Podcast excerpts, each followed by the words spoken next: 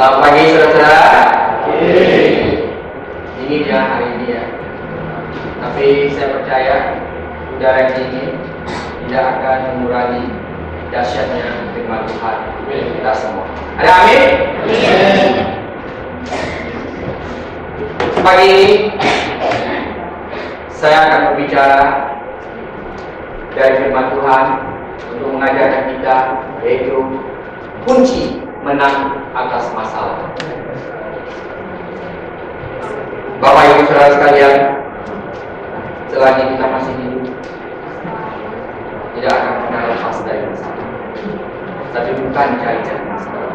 Masalah tidak diundang, tiada sendiri. Tapi harus bisa membedakan jika masalah menghadapi kita apa yang harus kita lakukan? Apakah kita sama? Kita orang-orang percaya kepada Tuhan Yesus? Dengan orang-orang yang tidak percaya kepada Tuhan Yesus dalam menghadapi keadaan masalah apakah sama? Orang dunia sekali menghadapi masalah gampang stres? Anak Tuhan juga gampang stres? Apa nggak ada bedanya sama sekali? Maka dari itu Rasul Paulus menuliskan suratnya kepada orang-orang di Roma di dalam Roma 12 ayat 12 Rasul Paulus mengajarkan kepada kita ada tiga kunci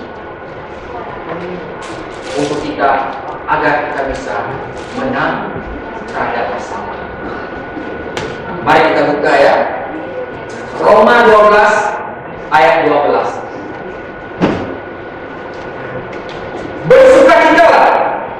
Dalam pengharapan. Sabarlah dalam desakan dan bertekunlah dalam doa. Jadi pagi hari ini saudara-saudara sekalian, saya akan membagikan ada tiga kunci bagi kita agar kita bisa menang. Ini ibaratnya kalau saudara kenal ya kunci ada pertanyaan kunci Inggris, tahu ya di Inggris ya, yang bisa di setel bahasa Inggrisnya kalau nggak salah French. Ya French ini yang bisa. Pokoknya diputar bisa dia membesar apa pun ukuran baut saudara dia bisa ngepasi nah inilah. Jadi ini bisa dipakai pada setiap masalah yang kita hadapi. Kunci pertama. Rasul Paulus mengajarkan kita bersukacitalah dalam pengharapan. Pada umumnya, ketika kita menghadapi masalah, apa reaksi kita? Kita kepingin masalahnya cepat selesai. Bila perlu sekali doa, Tuhan masalahnya ada ini. Haleluya, amin. Langsung selesai. Kepengennya cepat-cepat ada yang bisa nolong kita.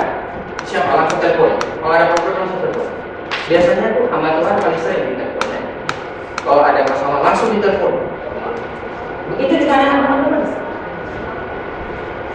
Bapak Ibu Saudara sekalian, memang kita manusia sering mencari. Kita sering cenderung bingung, takut, khawatir. Benar atau salah? Atau salah? Kecenderungan manusia dalam menghadapi masalah ini terlihat dari raut wajahnya. Biasanya kalau masalahnya berat, wajahnya lebih mudah. Meskipun pergi ke gereja, shalom, terlihat sudah dari wajahnya lagi susah, lagi bete, BT tahu ya? Enggak tahu ya Tahu dong. Mungkin yang agak berumur kurang tahu. Ada lagi istilah sekarang yang sangat keren. Galau. Galau. Kayaknya sering banget. Sampai yang tua pun juga tahu kan. Galau. Banyak istilahnya. Tahu saudara galau? Tahu ya? Enggak.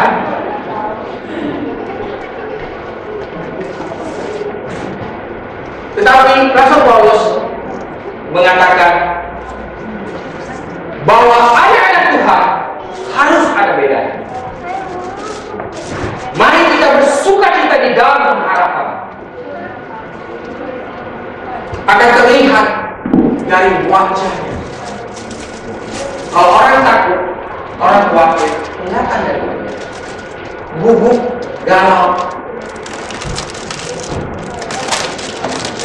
Kadang-kadang tahu.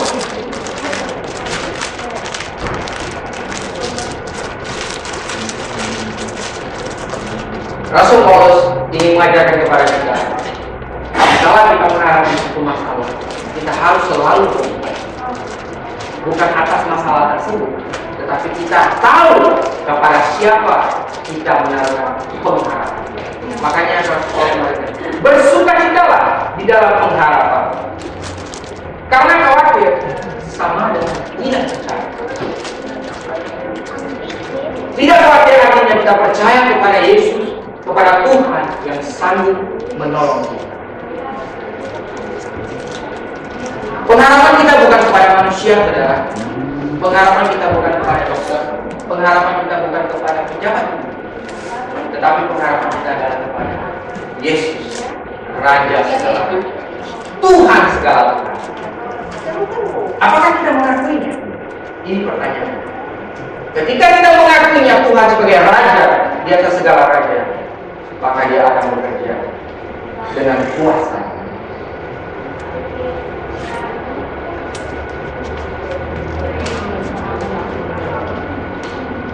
Tuhan Yesus mengatakan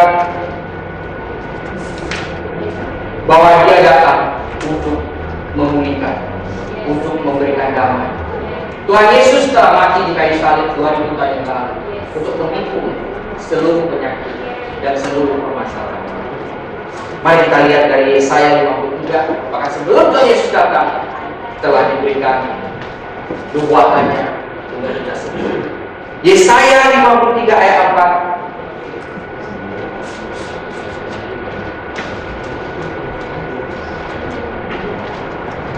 Sesungguhnya 53 Tetapi sesungguhnya Penyakit kita lah yang ditanggungnya dan kesengsaraan kita yang dipikulnya. Padahal kita mengira dia kena tular, dipikul dari besar. Bapak Ibu Saudara sekalian, Yesus telah bayar semua. Tapi kenapa kadang-kala kita masih khawatir? Maka dari itu saudara-saudara sekalian, Rasul Paulus ini mengajarkan kepada kita, kita harus selalu bersuka dan selalu menaruh pengharapan kita kepada. Dalam kejadian 18 ayat 14 dikatakan, adakah sesuatu yang mustahil bagi Allah? Mungkin itu mustahil bagi manusia, tetapi tidak ada yang mustahil bagi Tuhan. Dan juga di dalam Markus ayat 9 dan 23 dikatakan, bukan hanya mustahil bagi Tuhan, tetapi tidak ada yang mustahil bagi orang yang percaya.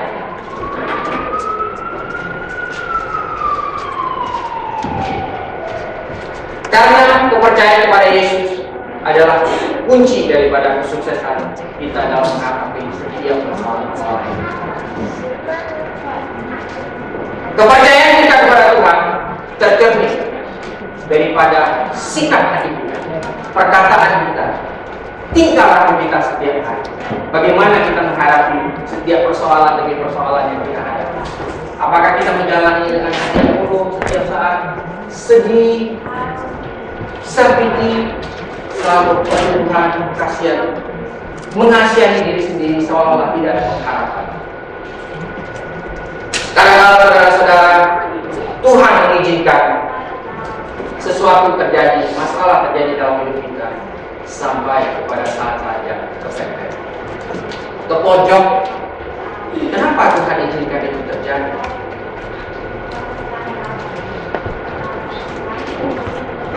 Seolah-olah kelihatannya tidak ada jalan keluar. Bapak Ibu Saudara sekalian, saya ingin menghargai kita semua. Karena Tuhan ingin menguji apakah kita tetap berharap kepada Dia. Meskipun pengharapan kelihatannya tidak ada. Apakah kita lari? Cari siapa? Cari teman? Cari siapa? Cari dukun? Cari siapa? Cari orang pinter? Bapak Ibu Saudara sekalian, saya masih ingat ya, papanya rakyat pernah berkhotbah di sini. Dia bilang kalau kita cari orang pinter, maka kita yang sombong.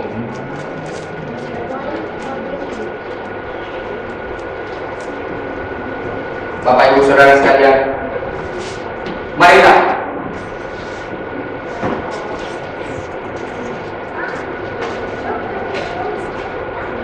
kita cari pertolongan kita hanya dari Tuhan Yesus. Dia yang sanggup untuk menolong kita untuk setiap permasalahan. Salah. Mazmur 121 mengatakan satu ayat. Coba coba. Aku melayangkan mataku ke gunung-gunung. Ya? Dari manakah akan datang pertolongan? Pertolonganku ialah dari Tuhan yang menjadikan langit dan Oh dia biasanya kuning. Coba. Bapak, Ibu, Saudara sekalian. Jangan berpaling kepada yang lain. Karena pengharapan kita yaitu pengharapan kepada Yesus Tuhan yang tidak pernah mengecewakan. Oke. Kita broadcast dong. Saya percaya saudara, karena saya nanti akhir daripada khotbah ini saya akan memberikan kesaksian bagaimana Tuhan itu luar biasa. Saya percaya Bapak Ibu sekalian di sini pasti juga sering mengalami percaya ketika kita mengalaminya kita akan dikuatkan dan kita akan mendapatkan pelajaran dari. Oke. Bapak Ibu sekalian, kan ya. Saya mau akan memberikan satu ilustrasi. Semuanya lagu tadi ya yang dibawakan Honest Pair itu confirm dengan saya hari ini. Confirm. Kepada siapa kita menyerahkan hidup kita? Tergantung kepada tangan siapa yang memegang. Kalau tangan saya pegang, maka ada kuasanya apa. Kalau tangan Markus, ya mungkin lebih kuat sedikit. Kayaknya sih. Kayaknya, tapi enggak. Kayaknya Markus paling kuat di gereja ini. Tangan Markus pegang lebih kuat. Kalau tangan saya enggak. Tapi tangan siapa kita berikan setiap hidup kita? Kalau kita berikan tangan kita kepada Tuhan. Saya berikan ilustrasi ini, saudara. It depends whose hand in it. A basketball in my hand is worth about 19 million. A basketball in Michael Jackson Jordan's hand is worth about 33 million. It depends whose hand. A tennis racket is useless in my hand. Karena saya nggak bisa main tenis ya. A tennis racket in Pete Sampras hand is a Wimbledon champion. It depends whose hand. A rod in my hand will give away one animal. A rod in Moses' hand will part the mighty sea.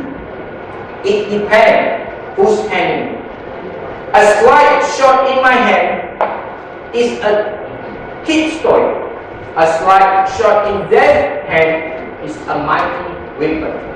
It depends whose hand. Two fish and five loaves of bread in my hand is a couple of fish sandwiches.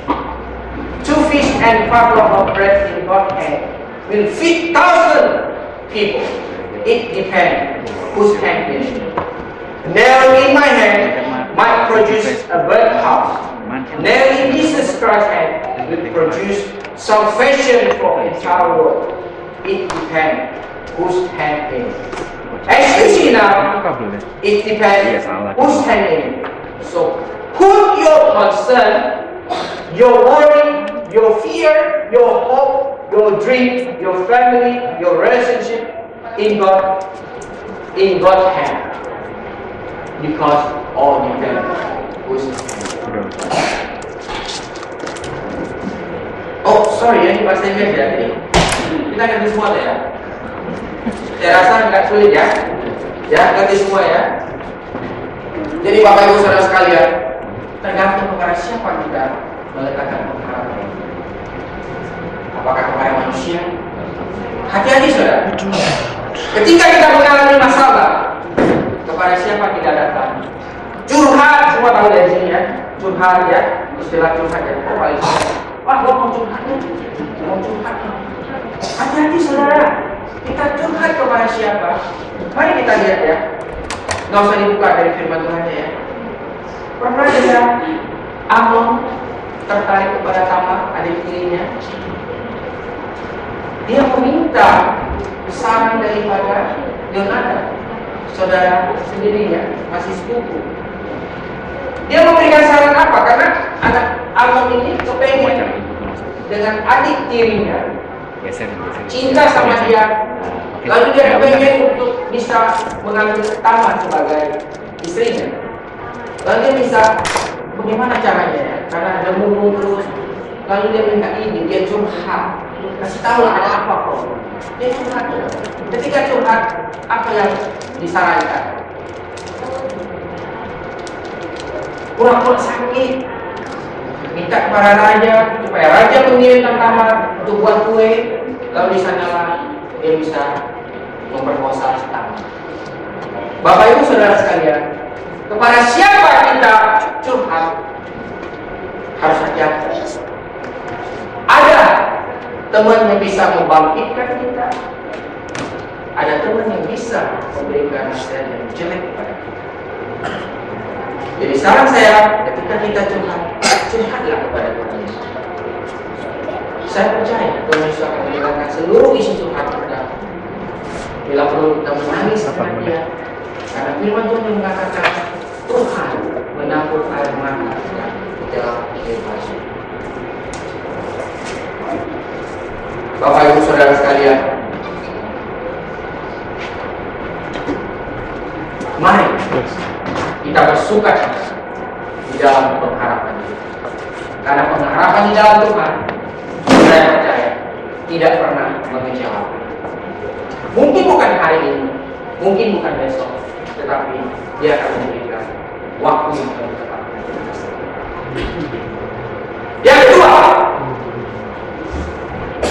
Rasul Mengajarkan kepada kita harus sabar di dalam kesesakan. Karena kalau saudara-saudara pengharapan tidak kunjung-kunjung datang. Bahkan persoalan makin hari makin berat. Banyak orang panik, bahkan marah, bahkan kecewa.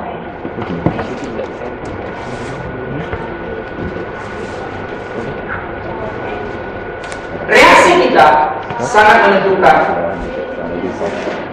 apakah Apa kita bisa sabar di dalam. Jadi, Kecenderungan manusia tidak pernah sabar, saudara. Sabar adalah pekerjaan yang sangat membosankan. Semua manusia ingin cepat, ingin ekspres, ingin instan. Tapi kenyataannya, saudara, apakah semua instan itu baik? Contoh, mie instan. Coba dimakan setiap hari. Nah, bagus.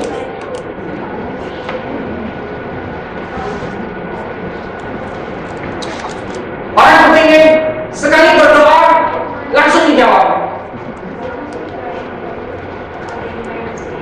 Bahkan ada orang berkata, Tuhan, saya udah doa lima kali.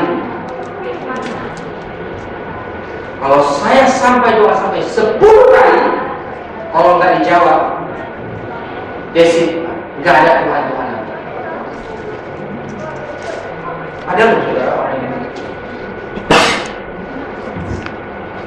Dia memberikan ultimatum kepada Tuhan, ingin kehendaknya yang terjadi.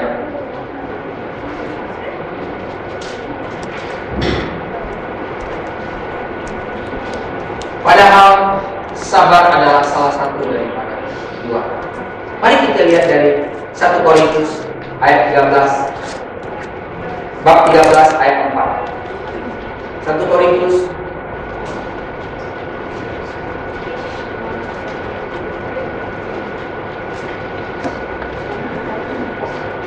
Kasih itu sabar. Yang pertama, paling depan, kasih itu sabar. Kualitas iman kita kepada Tuhan akan terlihat, akan tercermin seberapa sabar kita menghadapi setiap kesakan di dalam hidup yang kita alami. Sabar adalah salah satu ciri kedewasaan iman yang harus dimiliki bagi setiap orang yang percaya.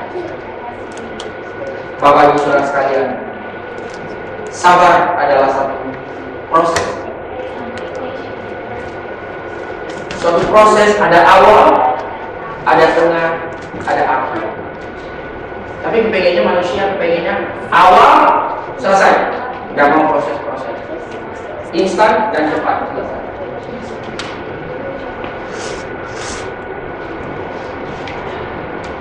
Bapak Ibu Saudara kalian, memang ada di kala saat-saat tertentu kita berdoa sekali saja langsung dijawab. Ada nggak di sini yang pernah ngalamin? Boleh boleh angkat tangan? Pernah ngalamin ini? Nah, ada tangan-tangan yang terakhir. Sekali saja berdoa atas masalah itu langsung dijawab. Ada ya? Tapi saya percaya, kenapa? Kok Tuhan ada juga kita berdoa bahkan sampai setahun, dua tahun, tiga tahun belum dijawab.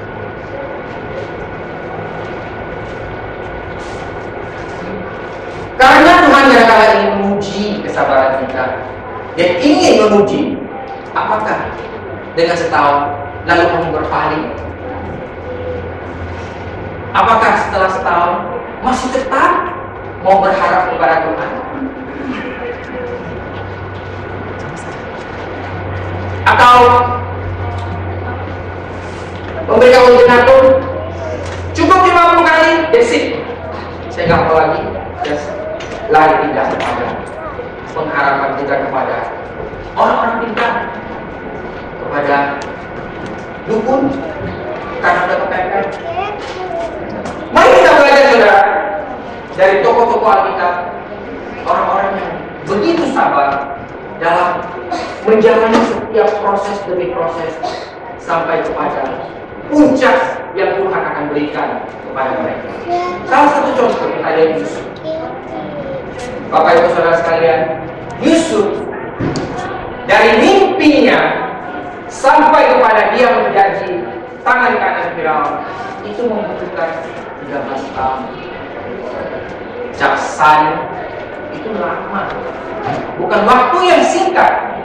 Dia harus mengalami banyak proses demi proses. Bisa nggak Yusuf protes Bisa jadi penjara? Bisa. Kok jadinya jadi orang hebat? Tapi sekarang nyatanya masuk kubur. Janjinya jadi yang semuanya bohong. Kok sekarang malah masuk penjara? Kita belajar. Kita belajar dari Yusuf. Begitu dia sabar di dalam menghadapi setiap masalah demi masalah. Begitu juga dengan Daud, saudara. Daud sudah di anointing menjadi raja oleh Samuel, tapi dia masih harus mengikuti begitu banyak proses sampai akan mau dibunuh oleh Saul. Dan bahkan pada saat Daud memiliki kesempatan untuk membunuh Saul, Daud tidak melakukan. Bapak Ibu Saudara sekalian, Tuhan selalu tepat waktu. Percaya kita di sini Tuhan selalu tepat waktu. Boleh saya lihat tangan-tangan yang terangkat? Dan juga Tuhan tidak terlalu cepat.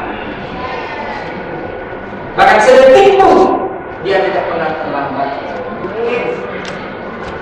Banyak kita melihat, melihat ya.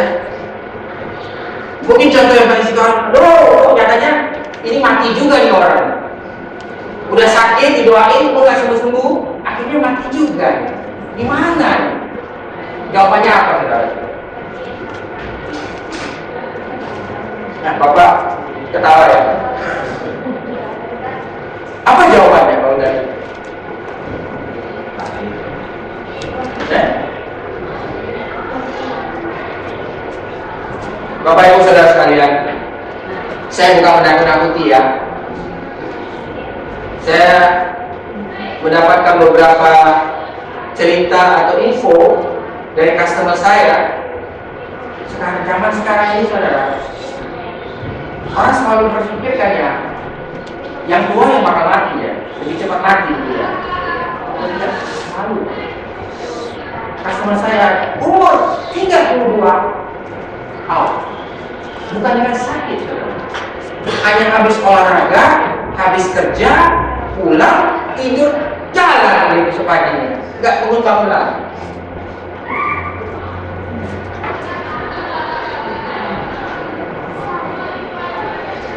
Kalau seandainya kita sakit, kalau seandainya ada yang sakit dan didoakan, ternyata tidak sembuh, malah justru pulang kepada Tuhan.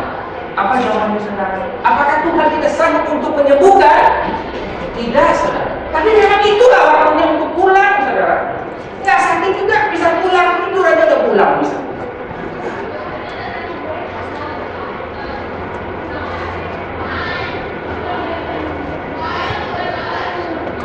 Bapak Ibu Saudara sekalian, pengkhotbah 3 ayat 11 sudah mengatakan Ia membuat segala sesuatu indah tepat pada waktunya. Bahkan ia memberikan kekalahan, kekekalan dalam hati mereka. Tetapi manusia tidak dapat mengalami pekerjaan yang dilakukan Allah dari awal. Bapak Ibu Saudara sekalian, memang kadang-kala kita bertanya-tanya, Tuhan, kok begini ya? Tuhan, kok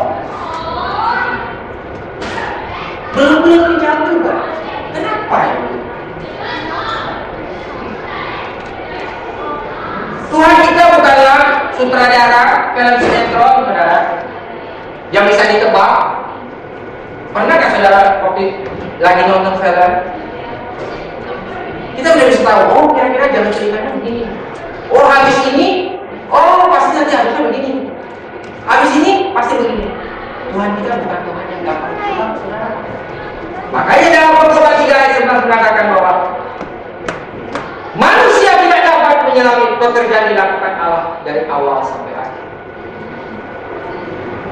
Lagu Honest tadi yang bawakan dia katakan, kita nggak tahu apa yang terjadi, tapi Tuhan akan memberikan tepat pada waktunya.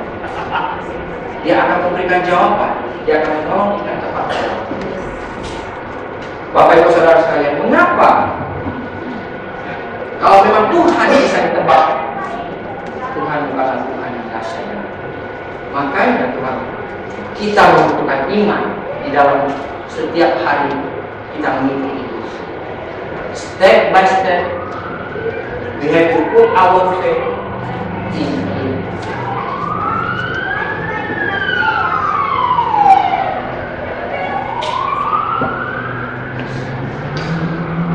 Bapak Ibu Saudara sekalian, proses memberikan pelajaran yang banyak.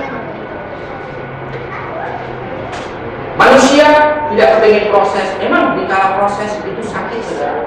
Itu sulit. Bahkan kadang-kadang orang berteriak, Tuhan, nggak tahan lagi. Tuhan, nggak tahan lagi. Tapi itu yang Tuhan mau kita jalani, saudara. Dia ingin kita mengikuti proses demi proses yang dia ingin berikan kepada kita agar kita membuahkan sesuatu yang matang, sesuatu yang berguna. Karena iman kita bisa mencapai kedewasaan. Bagaimana tergantung bagaimana kita bisa sabar, bagaimana kita bisa melalui setiap masalah demi masalah sehingga kita bisa mendapatkan hikmah dan pelajaran. Kalau kita tidak mengalami proses, kita nggak tahu. Kita tidak menghargai. Maka kita kalau bisa kita mengatakan, no, that's because of me.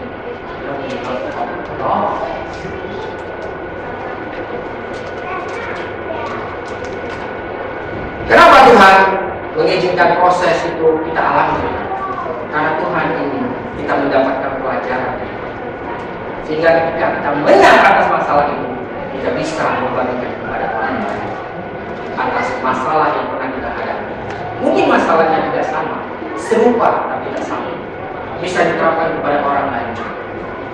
Makanya Bapak Ibu Saudara sekalian, ketika kita mendengar kesaksian orang lain, kita tidak boleh berkata "Ye, itu kan lu. Itu jadi buat gua, itu kan malu." Orang yang mengatakan begitu saya katakan saudara, dia tidak akan menerima mukjizat daripada karena karena dia tidak mengaminkan Bapak Ibu Saudara sekalian, kenapa? Kesaksian hidup mukjizat yang terjadi dalam hidup kita harus dibagikan kepada orang lain. Kenapa? Kenapa? Harus karena untuk membangkitkan orang lain. Nah, ketika kita mendengar kesaksian orang lain, kita harus menangkapnya dengan yes, amin.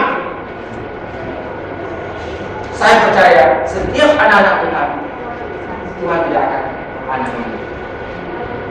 Tetapi yang saya percaya setiap orang dalam menghadapi setiap masalah jalannya pasti berbeda. Tetapi tujuannya sama, yaitu untuk kemuliaan. Ada amin saudara? Kemudian nama Tuhan kata Tuhan ingin bekerja sesuatu di dalam setiap persoalan kita yang kita hadapi.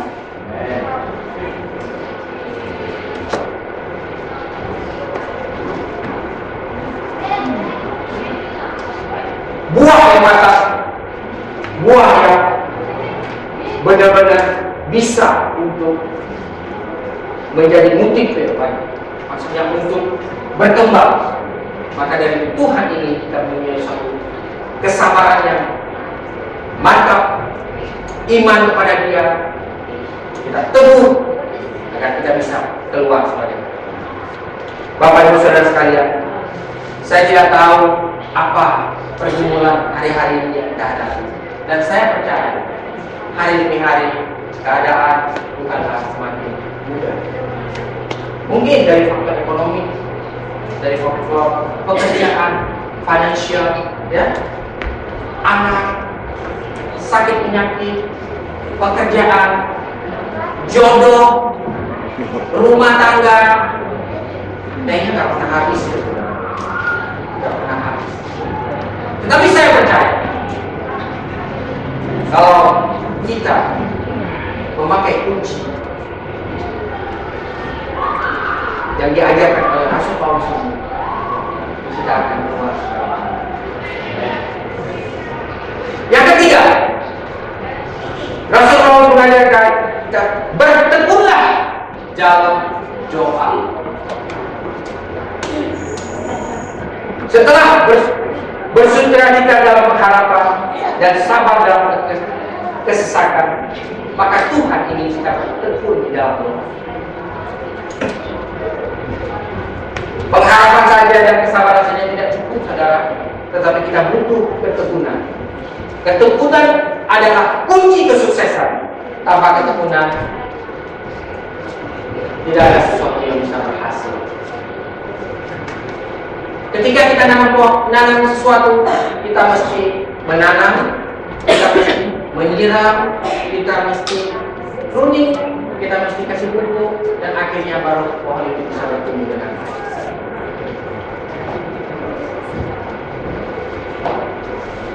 Bapak Ibu Saudara sekalian,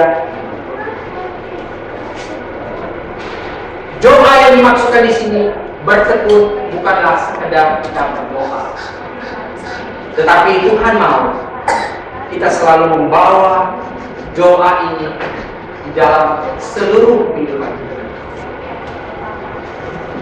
Doa yang bukan hanya tiap malam, tapi di mana pun kita pergi, dia ingin kita mungkin dalam kita menyetir, asal dalam menyetir kalau doa jangan cukup mata bahaya. Kalau lampu merah boleh tutup mata sebentar, tapi dalam menyetir tidak ada yang bilang kalau doa harus tutup mata. Tidak. Kalau buka mata juga kita bisa.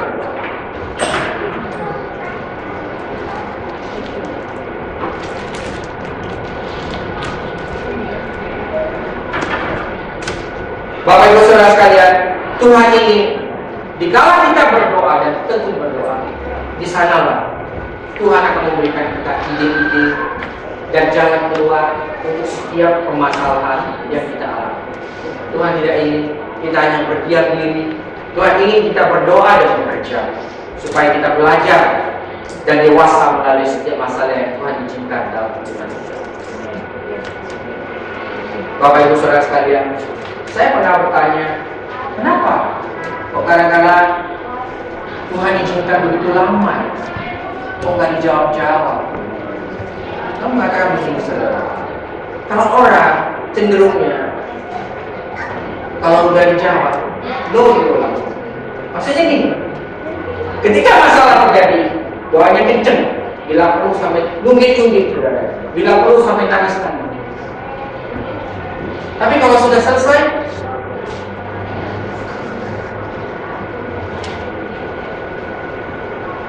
Tuhan ingin kita selalu dekat kepada Dia. Karena kalau mengapa Dia izinkan waktu, Dia ingin dekat selalu kepada kita. Bukan hanya datang kepada Tuhan di saat kita ada masalah, tapi Tuhan ingin kita menjalin hubungan yang baik setiap hari kepada Dia. Bapak Ibu Saudara sekalian, siapa di sini bapak-bapak yang sudah punya anak ya? Kalau anak kita datang hanya nyapa kita kalau hanya mau minta susah Ada maunya? Pak. Kita udah tahu nih, oh pasti ada maunya. Ma, manis dia kata karena ada mau minta duitnya. Kalau nggak ada maunya, pagi-pagi bangun apa? Ngomong pun tidak, disapa pun tidak, semuanya tidak masuk kayak hotel, rumah keluarga gitu. Bapak Ibu Saudara sekalian, begitu juga. Jangan ketika kita punya masalah saja maka kita baru datang kepada Tuhan. Tidak saudara. Tuhan ingin mau kita tuh selalu dekat dengan Dia. Berdoa dan bertekun.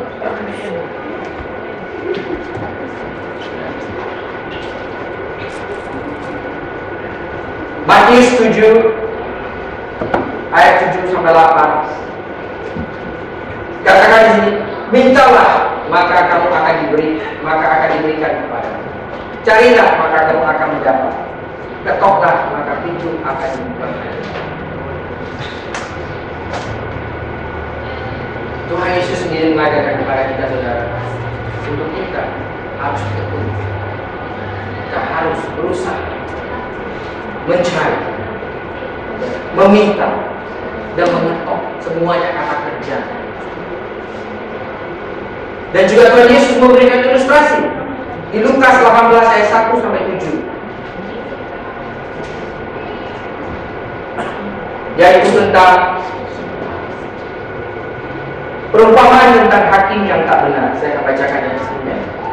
Yesus mengatakan suatu perumpamaan kepada mereka untuk menegaskan bahwa mereka harus selalu berdoa dengan tidak jenuh-jenuh. Katanya, dalam sebuah kota ada seorang hakim yang tidak takut akan Allah dan tidak menghormati seorang. Di kota itu ada seorang janda yang selalu datang kepada hakim itu dan berkata, belalah aku terhadap terhadap lawan. Berapa waktu lama hakim itu menolak, tetapi kemudian dia berkata dalam hatinya, walaupun aku tidak takut akan Allah dan tidak menghormati seorang pun, namun karena janda ini menyusahkan aku, baiklah aku memudahkan dia, supaya jangan terus saja ia datang dan akhirnya menjalankan. Kata Tuhan, camkanlah apa yang dikatakan hakim yang lain.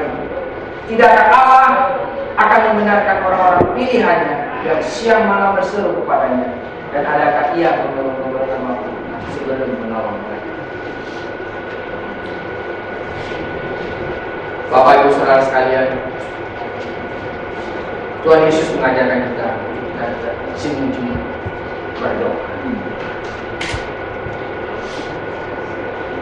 Tetapi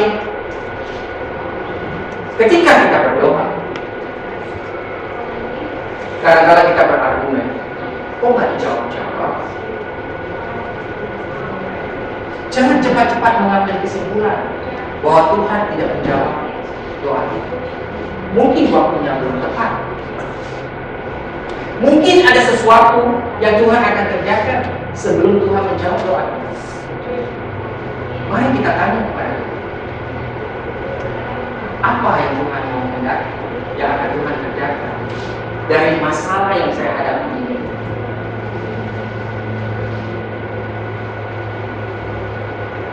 Dan juga kebanyakan ketika kita berdoa, kita selalu memaksakan kehendak kita sendiri. Kita kepinginnya mendikte Tuhan. Bila perlu kita yang mendikte jalan ceritanya. Benar? Maunya begini nih Tuhan. Habis ini begini nih. Sudah habis ini begini nih. Udah begini ya begini. Kita dikte Tuhan. Padahal apakah itu yang terbaik untuk kita? Siapa yang tahu? Nanti jam 12 apa yang akan terjadi? Boleh katakan? Gak ada yang tahu ya? Itulah manusia. Kita nggak tahu saudara apa yang akan terjadi. Apakah yang menurut kehendak kita tadi, yang kita minta tadi, apakah itu yang terbaik untuk kita? Mungkin dari kacamata kita itu yang terbaik. Tapi apakah itu yang terbaik dari kacamata kita? Jawabannya belum tentu.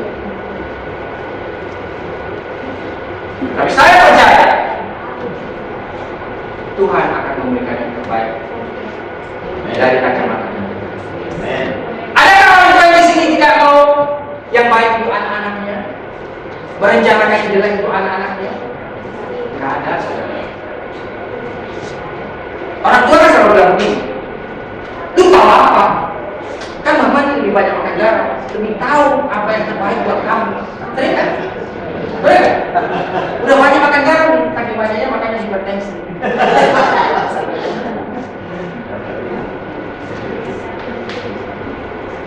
Bapak Ibu Saudara sekalian, percaya Tuhan kita adalah Tuhan yang Dia adalah Tuhan yang luar biasa. Tuhan kita bukan di pihak orang lain saudara. Dia mengizinkan permasalahan terjadi dalam hidup kita untuk mendatangkan kebaikan kepada kita. Roma 8 ayat 31 dikatakan bahwa kalau Tuhan pihak kita, siapa yang menjadi kita? Ketika masalah datang, jangan saudara berpikir bahwa Tuhan itu di pihak musuh. No, Tuhan itu di pihak kita, saudara. Dia di pihak kita. Dia yang membela kita.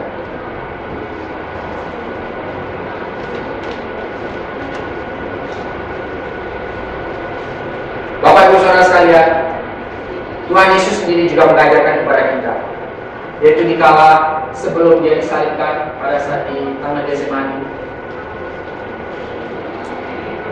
dia memohon kepada Tuhan dan kita lihat dari Matius 26 ayat 39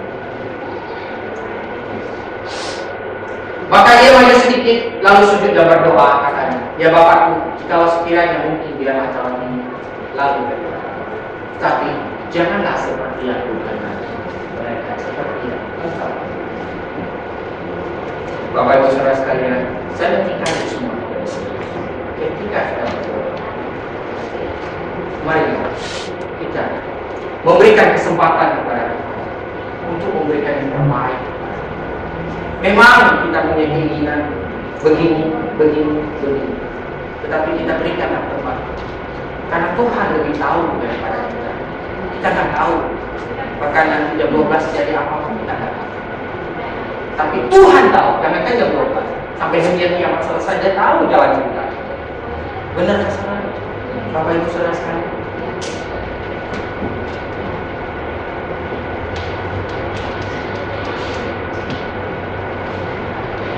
Saya tidak akan tanyakan lagi firman Tuhan hari ini.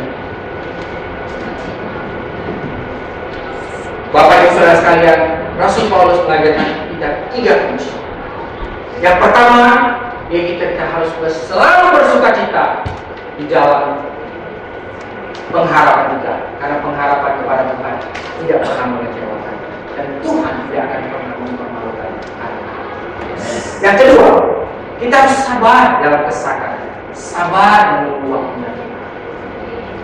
Memang sabar ini sulit ya saudara, tidak mudah. Kita harus belajar.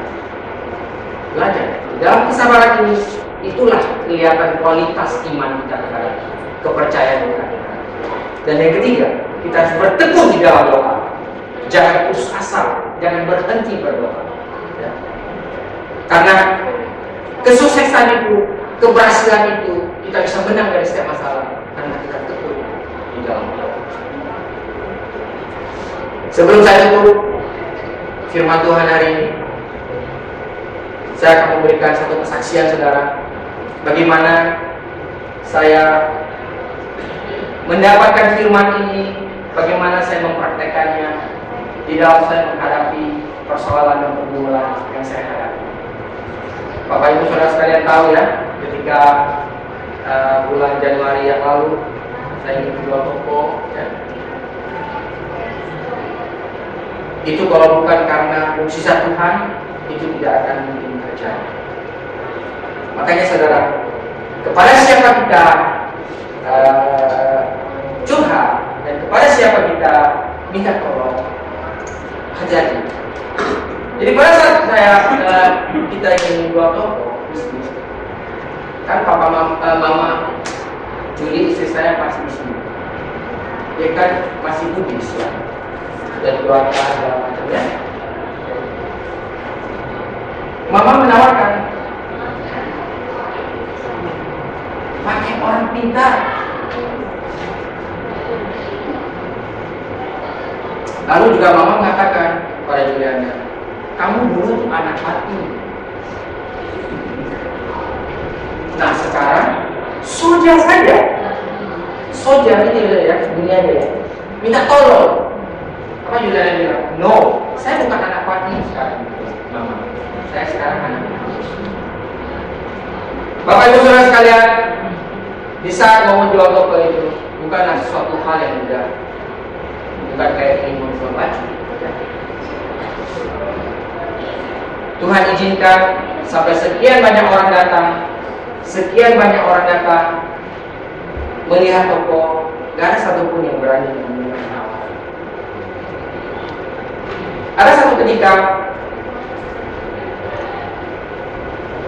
Paman Juliana datang dari Taiwan karena sebagian besar nih keluarga Julian ini masih Buddhis semuanya. Pamannya satu dari Taiwan datang waktu itu ada acara apa? Memberikan ini ya bunga teratai yang dibikin dari kertas-kertas itu lalu didoakan bilang taruh di toko pasti toko kamu akan terjual nah pada saat itu dia berikan pada saat kita makan malam dan besok dia mau pulang. Saya bilangnya kita terima karena kita tidak mau mengecewakan dia. Saat kita terima sudah selesai. Roh Kudus berbicara kepada saya dan juga kepada Julian bahkan kepada yang kita makan. Bapak Ibu Saudara sekalian, makanya saya bilang Tuhan ingin memberikan proses. Dan kadang saat itu toko nggak jual jual. Setan mulai membujuk. Nah, kan? Kenapa dibuang? Kenapa dibakar? Kan nggak ada salahnya dong.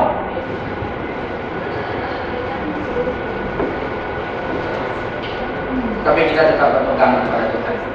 Kita tetap berharap kepada. Mama Juliana membujuk Juliana untuk makan orang pintar Juliana nggak mau Mama mertua saya juga bujuk saya Dikitnya Juliana nggak mau, saya mau. No, the same. Kita sama. Adiknya juga gitu sama ya. Dia minta sama cicinya Cicinya nggak mau. Dia tidak buat saya, jadi saya mau. No, Neni.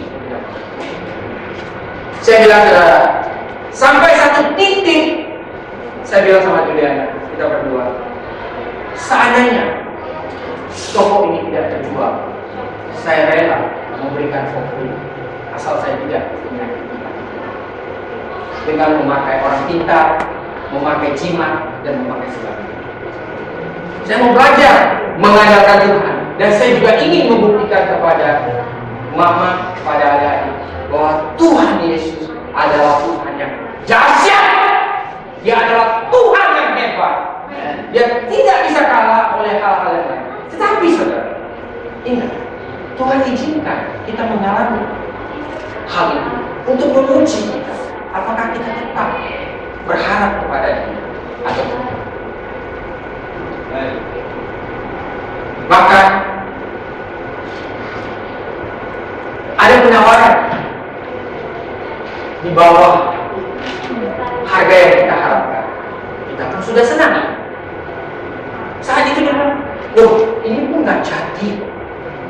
Kenapa sudah ditawar? Saya jualnya melalui ide ya. Jadi orang menghadap penawaran, eh akhirnya orangnya just go on, just change mind atau apa saya nggak tahu ya. Pertama sih kecewa, tapi akhirnya benar. Percaya. Ini nggak jadi, Tuhan akan sediakan yang lebih baik lagi. Bapak Ibu Saudara sekalian, dan akhir yang tidak bisa saya pikirkan, yang tidak bisa saya bayangkan, semuanya terjadi. Sempat pada waktu itu melihat kendor, jam, sampai dia bilang, aduh, Tuhan itu ada nggak ya? Sampai dia kata itu, Tuhan itu ada nggak ya? Wah, saya kaget. Dia bilang, wow, saya cuma takut dia kecewa dengan. Itulah yang dialami setiap kita ya. Kalau kita begitu bergumul, begitu apa, kita no Tuhan, aduh capek dia udah doa udah sampai kayak minum gitu sudah bonyok ininya, kok nggak jawab akhirnya lari, akhirnya pergi. Saya bilang Pak bilang, kita kendor, kita pull out, maksudnya kita mundur, yang rugi kita. Kita kecewa, kita lari dari Tuhan, yang rugi siapa? Tidak ada keuntungan dari lari dari masalah, lari dari para Tidak ada keuntungan. Mungkin hati kita terasa apa ya? Happy. Nggak kapok. Wah tinggal. Nggak mau lagi Tuhan Tuhan. Rasanya aduh sebenarnya, oh mat, mantelnya lepas dulu. Oke, no, no, gak, gak, no, no, no, no. Tapi apakah itu yang akan memberikan damai sejahtera bagi kita? Yang rugi kita. Akhirnya saudara singkat cerita, saya bilang begini. Saya percaya satu hari akan ada Tuhan kirim pembeli yang datang melihat dan langsung ini tanpa itu dan sebagainya. Memang terjadi semua luar biasa. Dari mungkin sekian banyak orang yang datang mungkin ada sekitar 20 sampai 25 Datanglah ini yang sekarang membeli toko. Dia datang keliling-keliling putar-putar. Saya sebenarnya punya toko ini. Mau dijual berapa? Saya memberikan nilai nominalnya. Ditawar satu setengah kali lipat dari harga yang saya minta. Saya kaget. Saya sampai bilang, Tuhan, ini nggak salah. Singkat ceritanya saudara, saya bilang apa? Kalau memang you setuju, nggak mau saya jual lagi kepada orang lain, kita langsung urus paperwork. Oke. Sampai saya tercengang-cengang. Luar biasa. Bapak Ibu sudah sekalian. Dan sampai semuanya bisa berjalan begitu mulus, begitu lancar, begitu selesai, begitu indah. Tepat pada waktu. Enggak kurang lagi. Mungkin Bapak Ibu Saudara sekarang berpikir, ya itu kan kamu, oh jangan saudara. Kamu saya, saya kamu, kita semua anak Tuhan. Kita sama. Tapi apa yang Tuhan mau lakukan dalam hidup kita? Mungkin prosesnya saya lain. Proses Om Santo lain. Proses uh, lain. Tapi marilah kita ikuti prosesnya Tuhan.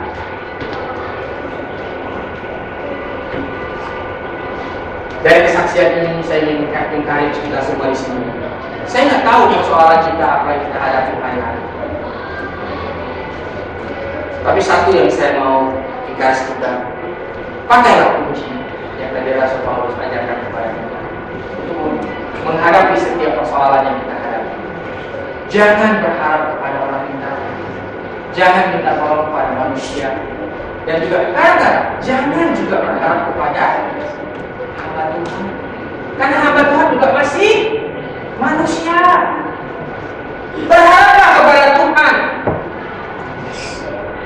yang memangnya Allah yang dahsyat.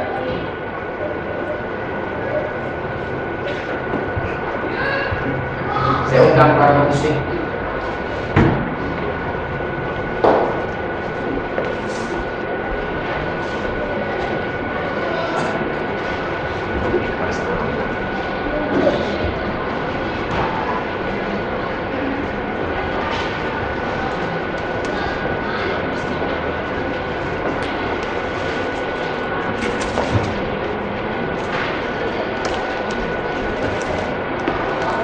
Mari kita bangkit berdiri.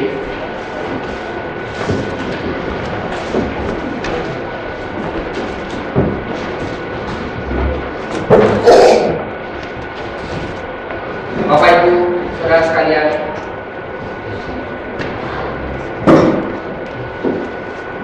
mari kita tangkap firman Tuhan, kita tangkap kunci yang diberikan kepada kita hari ini dengan iman kepercayaan bahwa kita bisa menang terhadap setiap tidak ada permasalahan yang tidak ada jalan karena Tuhan kita adalah Tuhan yang sanggup dia sanggup menolong apa pun persoalan dan pergumulan kita hari-hari mari kita berdoa kepada dia. Bapak di surga Tuhan Yesus terima kasih untuk pagi hari ini Tuhan. Hambamu telah selesai menyampaikan firman. Engkau ingin kami. Memiliki kunci. Engkau ingin kami menjadi anak-anakmu yang luar biasa. Yang tahan Yang tekun Yang sabar Terhadap setiap permasalahan Setiap kesan Tuhan Yesus Terima kasih untuk semuanya. Dan kami percaya Tuhan Engkau bekerja dalam setiap permasalahan kami. Untuk mendatangkan kami mau mengandalkan Engkau sepenuhnya kami tidak mengandalkan manusia kami hanya mau berharap kepada Engkau. Karena Engkau pengharapan kepada Tuhan tidak akan berhasil karena Engkau Allah yang luar biasa Allah yang mukjizat masih terjadi sampai saat ini. Dan kami percaya Tuhan mukjizat. demi mukjizat akan kami terima dan namamu